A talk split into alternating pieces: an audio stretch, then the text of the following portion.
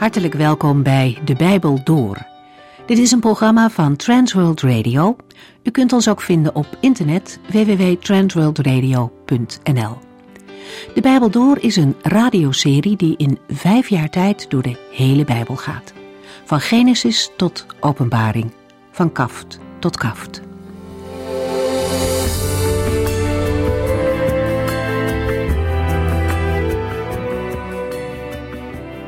Aan het eind van Openbaring hoofdstuk 11 hebben we gelezen dat de tempel van God in de hemel openging.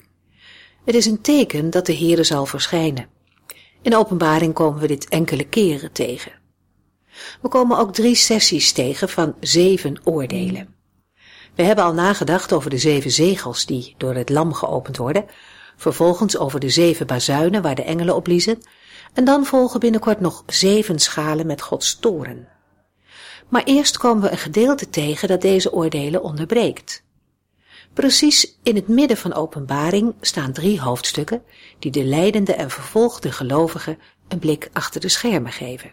We zien hier dat de zware situatie van de gelovigen onderdeel is van een veel groter conflict tussen de Heere God en Satan.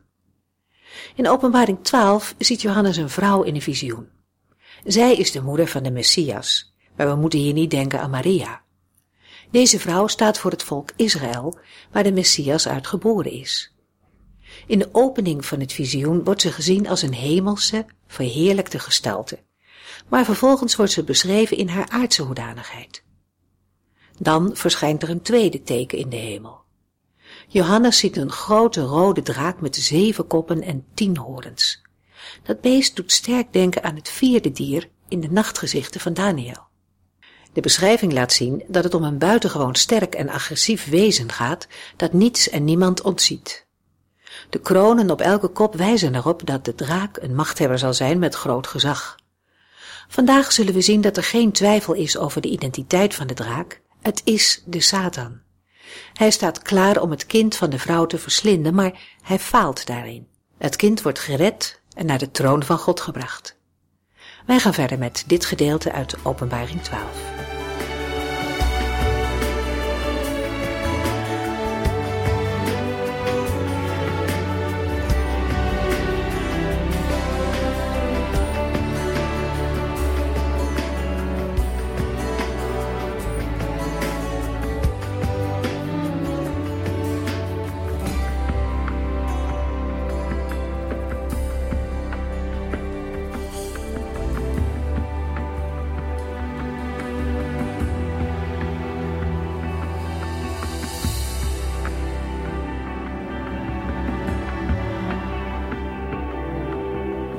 Het laatste vers van de vorige uitzending was Openbaring 12, vers 5, waar we lazen: De vrouw bracht een jongen ter wereld, die alle volken van de wereld met een ijzeren staf zal regeren. Maar het kind werd van haar weggerukt en naar de troon van God gebracht. In een andere Bijbelvertaling lezen we in vers 5: En zij baarde een zoon, een mannelijk wezen, dat alle heidenen zal hoeden met een ijzeren staf en haar kind werd plotseling weggevoerd naar God en zijn troon. De zinsnede en zij baarde een zoon, een mannelijk wezen, is een stijlfiguur, een pleonasme, waarbij een bepaald begrip wordt herhaald. In vers 5 om het geslacht van het kind te benadrukken. De typering van de Messias als iemand die alle volken van de wereld met een ijzeren staf zal regeren, is ontleend aan Psalm 2, vers 9 en ziet op de toekomstige wereldheerschappij van de Messias. Dat het kind in het visioen kennelijk direct na de geboorte wordt weggerukt van de aarde, duidt op een reddend ingrijpen van de Heere, waardoor het kind buiten het bereik van de draak komt, die het op zijn leven heeft voorzien. Zo wordt tot uitdrukking gebracht dat alle aanslagen die Satan op de Messias, Jezus Christus, uitvoert, tot mislukken gedoemd zijn, omdat de Messias onder Gods bijzondere zorg en bescherming staat. Met de woorden: De vrouw bracht een jongen ter wereld en het kind werd van haar weggerukt en naar de troon van God gebracht, wordt als het ware met één enkele pennenstreek het leven van de Heer Jezus beschreven. Niet meer dan alleen zijn geboorte en zijn heengaan met hemelvaart. De afzonderlijke fase ertussen, bijvoorbeeld zijn openbare bediening, zijn lijden, sterven en opstanding, blijven op de achtergrond. De aandacht van Johannes gaat hier niet uit naar het aardse leven van de Heer Jezus, zoals dat in de vier evangeliën gebeurt, maar naar de verhoogde en verheerlijkte Christus. Maar het kind werd van haar weggerukt en naar de troon van God gebracht. Dat wil zeggen, naar een plaats in de onmiddellijke nabijheid van de Heere, die als de Almachtige in de hemel op de troon zit. Openbaring 12, vers 6. De vrouw vluchtte de woestijn in, waar God een schouwplaats voor haar had. Daar zou zij 1260 dagen lang verzorgd worden. Nu de draak er niet in is geslaagd het kind uit de weg te ruimen, probeert hij de moeder van het kind schade toe te brengen. Het beeld van de vrouw die naar de woestijn vlucht en daar gedurende 1260 dagen beschermd en gevoed wordt, doet denken aan de profeet Elia, die zich drieënhalf jaar lang verborg om te ontkomen aan de aanslagen van koning Agab en bij de beek Kerit door God op wonderlijke wijze van voedsel werd voorzien. Ook valt te denken aan de woestijnreis van het volk Israël toen de Heere veertig jaar lang het volk op bijzondere wijze van de voor het levensonderhoud noodzakelijke dingen voorzag. De vrouw bevindt zich in vers 6 blijkbaar op aarde. Na de geboorte van de Messias belichaamt zij het volk van God dat, net als de rest van haar kinderen, in vers 17, zich houden aan wat God gezegd heeft en die er openlijk voor uitkomen dat ze bij Jezus horen. Dat wil zeggen dat zij de geboden van God bewaren en het getuigenis van de Heer Jezus hebben, kortom, de joods-christelijke gemeente. De vlucht naar de woestijn wordt uitvoeriger beschreven in de versen 13 tot en met 16. Openbaring 12, vers 6 belicht de bescherming van de vrouw door de Heere. De versen 13 tot en met 16 de vervolging van de vrouw door de draak. De periode van 1260 dagen komt overeen met 42 maanden en met een tijd, tijden en een halve tijd uit de Griekse tekst van vers 14, hetgeen een periode van 3,5 jaar omvat, namelijk de tweede helft van de 70ste jaarweek van Daniel. Kennelijk verspringt in dit vers het perspectief van het visioen van het verleden naar de toekomst. We zullen bij de vrouw moeten denken aan de joods-christelijke gemeente op aarde, ten tijde van de regering van de Antichrist, dat wil zeggen de periode voorafgaande aan de wederkomst van Christus. Maar net als ten tijde van de uittocht uit Egypte, wordt zij door God uitgeleid naar een veiliger oord, waar zij door hem beschermd en bewaard wordt voor wat komen gaat. De woorden doen denken aan Jesaja 26, vers 20 en 21. Ga naar huis, mijn volk, en doe uw deuren op slot. Verberg u een korte tijd, totdat de toorn van de Heere tegen uw vijanden voorbij is. Kijk, de Heere komt uit de hemelen om de mensen van de aarde te straffen voor hun zonden. De aarde zal de moordenaars niet langer verbergen. De schuldigen zullen worden gevonden. De woorden: De vrouw vluchtte de woestijn in, waar God een schouwplaats voor haar had. Daar zou zo 1260 dagen lang verzorgd worden, geeft de bescherming en zorg van de Heere aan. Openbaring 12, vers 7. Toen brak in de hemel oorlog uit. Michael en zijn engelen vochten tegen de draak. De draak en zijn engelen vochten terug. Er is hier sprake van een strijd tussen Michael met zijn engelen en de Satan en zijn engelen in de hemel, de woonplaats van God en de engelen. De Hebreeuwse naam Michael betekent wie is als God. Aan de profeet Daniel werd geopenbaard hoe Michael, een van de hoogste bevelhebbers van het hemelse leger, strijd moest voeren tegen de vorst van het koninkrijk van de Perzen. Michael wordt in de Hebreeuwse tekst van Daniel 10, vers 13 een van de voornaamste vorsten genoemd. En in Daniel 10, vers 21 wordt van hem gezegd: Michael, de engel die waakt over uw volk Israël. Het gaat hierbij om een geestelijke strijd tussen de engelen van God en de machten van Satan, die zijn weerslag vindt in het wereldgebeuren. Michael wordt in oude Joodse bronnen gezien als een van de aardse engelen, met als bijzondere taak de bescherming van het volk Israël.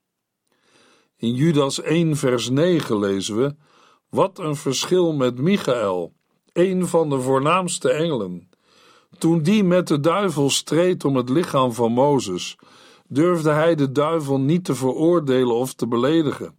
Hij zei alleen: De Heere zal je straffen. In openbaring ziet Johannes een oorlog in de hemel, waarbij Michael en zijn engelen strijden tegen de draak, de duivel. Daarbij wordt de duivel uit de hemel op de aarde geworpen. Hij is dan niet meer in staat om de gelovigen voor Gods troon aan te klagen. Maar op aarde vervolgt hij hen in grote grimmigheid. De woorden die we net lazen passen ook heel goed bij de woorden van de profeet Daniel. We lazen in Openbaring 12, vers 7 en 8a. Toen brak in de hemel oorlog uit. Michael en zijn engelen vochten tegen de draak. De draak en zijn engelen vochten terug, maar werden verslagen en uit de hemel weggejaagd. Op het eerste gezicht lijkt vers 7 een chronologische voortzetting te zijn van de versen 1 tot en met 6. In dat geval speelt de strijd tussen Michael en de draak zich af tijdens de periode dat de vrouw zich in de woestijn bevindt. Een aantal uitleggers denken dan aan een situatie in de eindtijd, zoals die bijvoorbeeld beschreven wordt in Daniel 12, vers 1. Maar de versen 7 tot en met 14 zijn beter op te vatten als een beschrijving van gebeurtenissen die min of meer parallel lopen aan die van de versen 1 tot en met 6.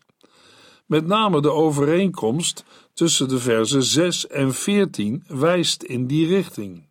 Het gaat in de versen 7 tot en met 14 nog niet om de definitieve nederlaag van Satan, want die wordt pas beschreven in Openbaring 20, maar om zijn verwijdering uit het hemelse gerechtshof, waar hij mensen voortdurend voor God aanklaagde. Nu hem de toegang tot de hemel ontzegd is, is zijn uiteindelijke ondergang onvermijdelijk maar blijkens de versen 13 tot en met 17 en Openbaring 13 nog geen voldongen feit. De versen 8 en 9 doen bijzonder sterk denken aan Lucas 10, vers 18, waar de Heer Jezus zegt: Ik zag Satan als een bliksemschicht uit de hemel vallen. Maar ook aan Johannes 12, vers 31, waar Jezus zegt: Nu wordt het oordeel over de wereld uitgesproken. Het is zover dat de heerser van deze wereld wordt weggejaagd. Openbaring 12, vers 11 verbindt de overwinning op Satan ondubbelzinnig met de kruisdood van Christus. Zij hebben hem overwonnen door het bloed van het Lam. Met de komst van de Heer Jezus Christus in de wereld en in het bijzonder zijn kruisdood, heeft Satan het veld moeten ruimen en zijn activiteit als aanklager in het hemelse gerechtshof moeten opgeven. Openbaring 12, vers 7b tot en met 9. De draak en zijn engelen vochten terug, maar werden verslagen en uit de hemel weggejaagd. De grote draak, de oude slang, ook wel duivel of Satan genoemd, die alle mensen ter wereld verleidt, werd met zijn engelen op de aarde gegooid. De strijd tussen Michael en de draak loopt uit op een zware nederlaag voor de draak en zijn engelen. Het is opmerkelijk dat de strijd door Michael wordt gevoerd, terwijl de overwinning door Christus wordt behaald. Michael wordt hier voorgesteld als hoofdengel die in dienst van de Heer Jezus Christus staat. Voor de woorden maar zij werden verslagen en uit de hemel weggejaagd, lezen we in een andere Bijbelvertaling, maar hij kon geen stand houden en hun plaats werd in de hemel niet meer gevonden. Het laatste gedeelte van deze zin, en hun plaats werd in de hemel niet meer gevonden, komt vrijwel letterlijk voor in Daniel 2, vers 35. Dat Satan en zijn engelen geen plaats meer hebben in de hemel, betekent dat ze geen toegang meer hebben tot de hemelse troonzaal en de gelovigen ook niet meer bij God kunnen aanklagen. We lezen dat ook in Openbaring 12, vers 10. Ik hoorde een luide stem in de hemel zeggen: Eindelijk is het zover. God heeft de bevrijding gebracht. Hij heeft zijn macht gebruikt om zijn koninkrijk te vestigen. Hier heeft zijn Christus nu het gezag. De aanklager die onze broeders en zusters dag en nacht voor God beschuldigd heeft, is uit de hemel gegooid. Dat is het moment waarop Satan een beslissende nederlaag is toegebracht en de overmacht van God en Christus een feit is geworden. Met de verwijdering van Satan uit de troonzaal is de in het Oude Testament aangekondigde heerschappij van God manifest geworden. Deze heerschappij komt tot uitdrukking in: Hier heeft zijn Christus nu het gezag. In Matthäus 28, vers 18 zegt de Heer Jezus na zijn opstanding en net voor zijn hemelvaart tegen zijn leerlingen: Ik heb alle macht in hemel en op aarde gekregen.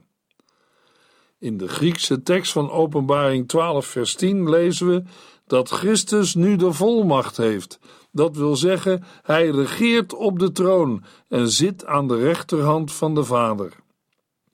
Het overwinningslied volgt op de verwijdering van Satan uit het hemelse gerechtshof. Aan zijn niet aflatende pogingen om mensen bij God aan te klagen, dag en nacht, dat wil zeggen voortdurend en onophoudelijk, is met de komst van Christus in de wereld een einde gekomen. We lezen in Johannes 12, vers 30 tot en met 32, dat de Heer Jezus tegen de mensen zegt, nadat er een stem uit de hemel heeft geklonken: Die stem is er niet voor mij geweest, maar voor u, zei Jezus. Nu wordt het oordeel over de wereld uitgesproken. Het is zover dat de heerser van deze wereld wordt weggejaagd. Wanneer ik van de aarde omhoog geheven word, zal ik allen naar mij toetrekken. Sinds Christus de volmacht van de Vader heeft ontvangen, na zijn kruis en opstanding, en daarna aan de rechterzijde van de Vader op de troon plaatsnam, heeft Satan geen toegang meer tot het hemelse gerechtshof en kan hij de gelovigen niet meer aanklagen.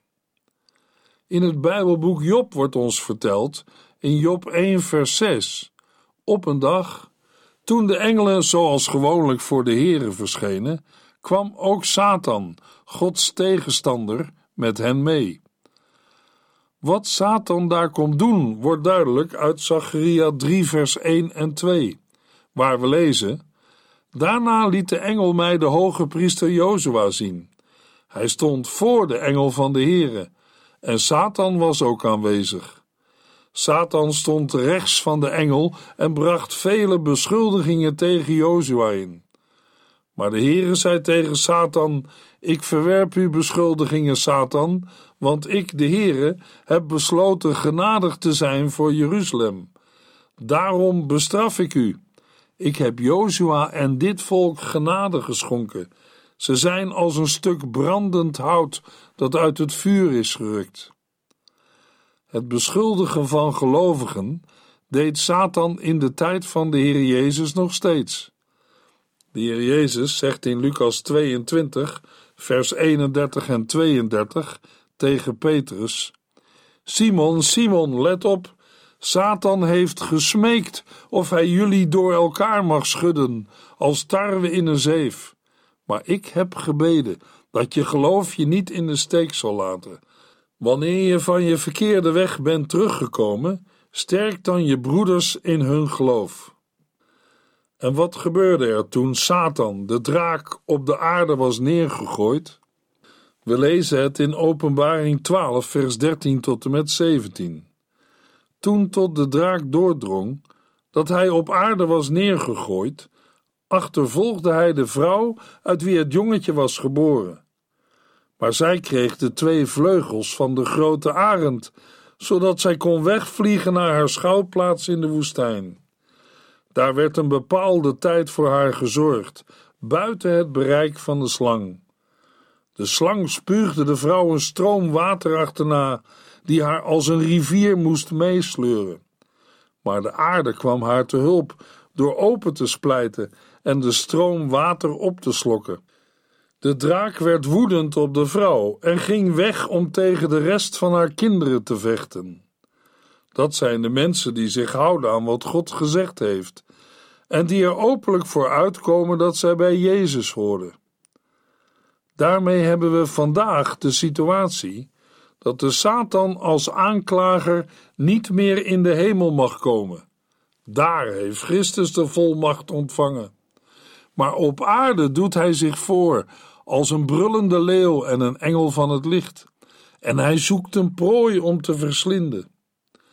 Terwijl de vrouw in Openbaring 12, vers 1 in haar verheerlijkte hemelse gestalte werd getekend, wordt zij in Openbaring 12, vers 13 tot en met 18 in haar aardse, dat wil zeggen concreet historische verschijningsvorm beschreven.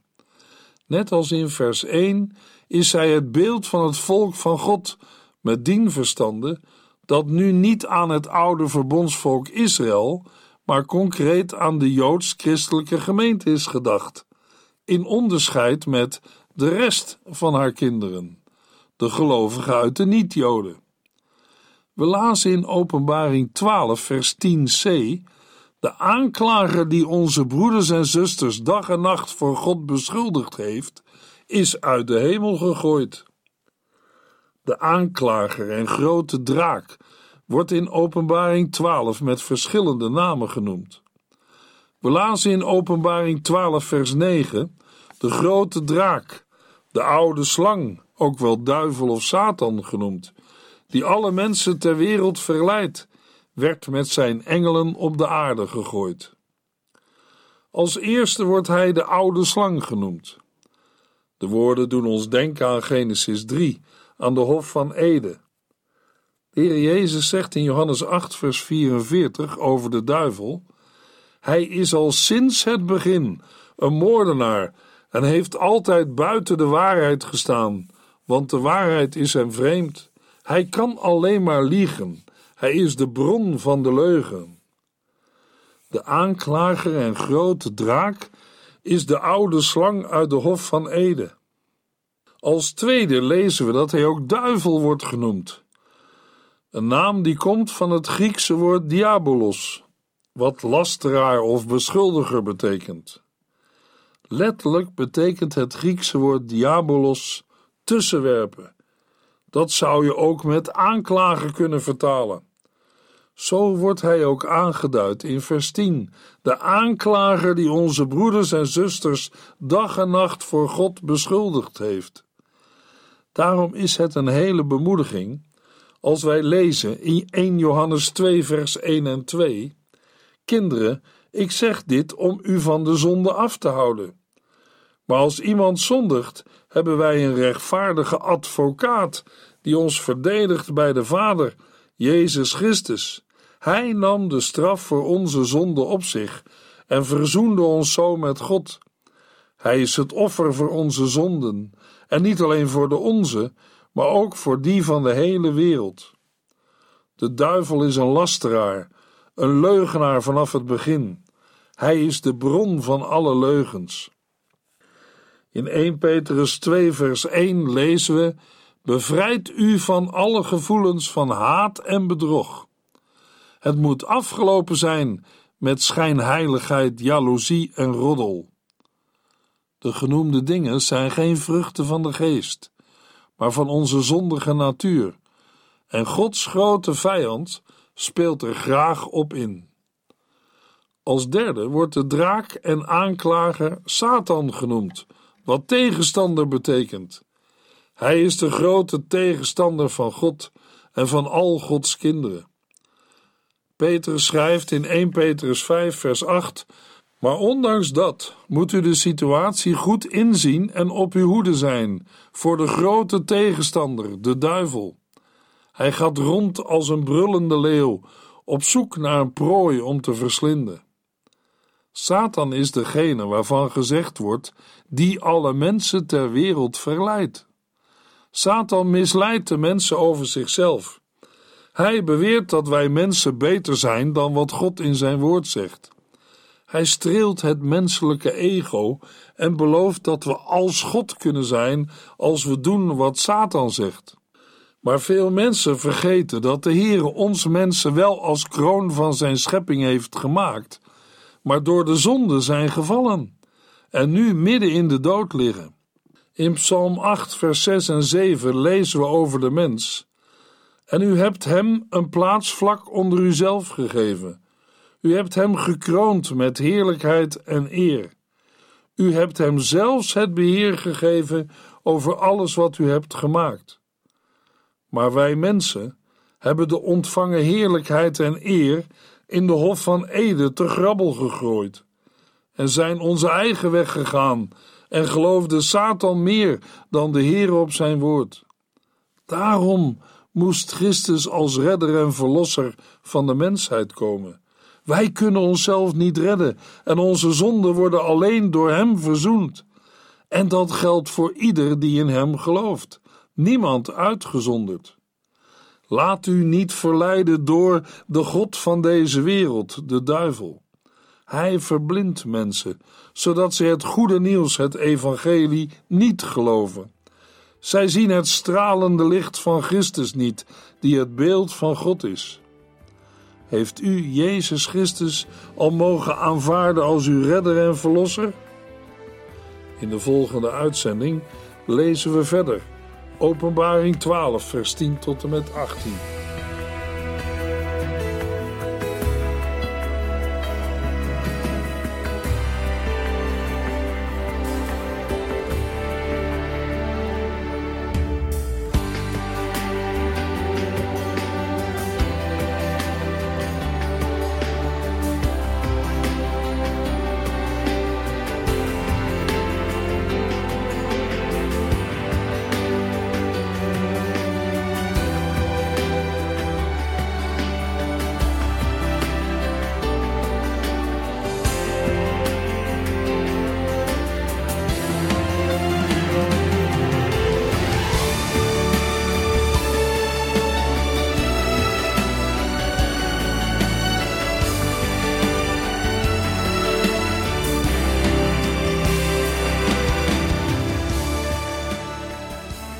Sinds kort kunt u een USB-stick bestellen met alle uitzendingen en de teksten van de Bijbel door. Ons adres volgt in de afkondiging. En hier eindigt deze aflevering van De Bijbel Door. Een serie programma's van Transworld Radio. Wilt u ons iets vragen of meer weten? Dan kunt u altijd contact met ons opnemen. Bellen kan overdag met 0342 478432. Per post Transworld Radio, postbus 371, postcode 3770, Anton Johannes in Barneveld. En e-mailen kan ook.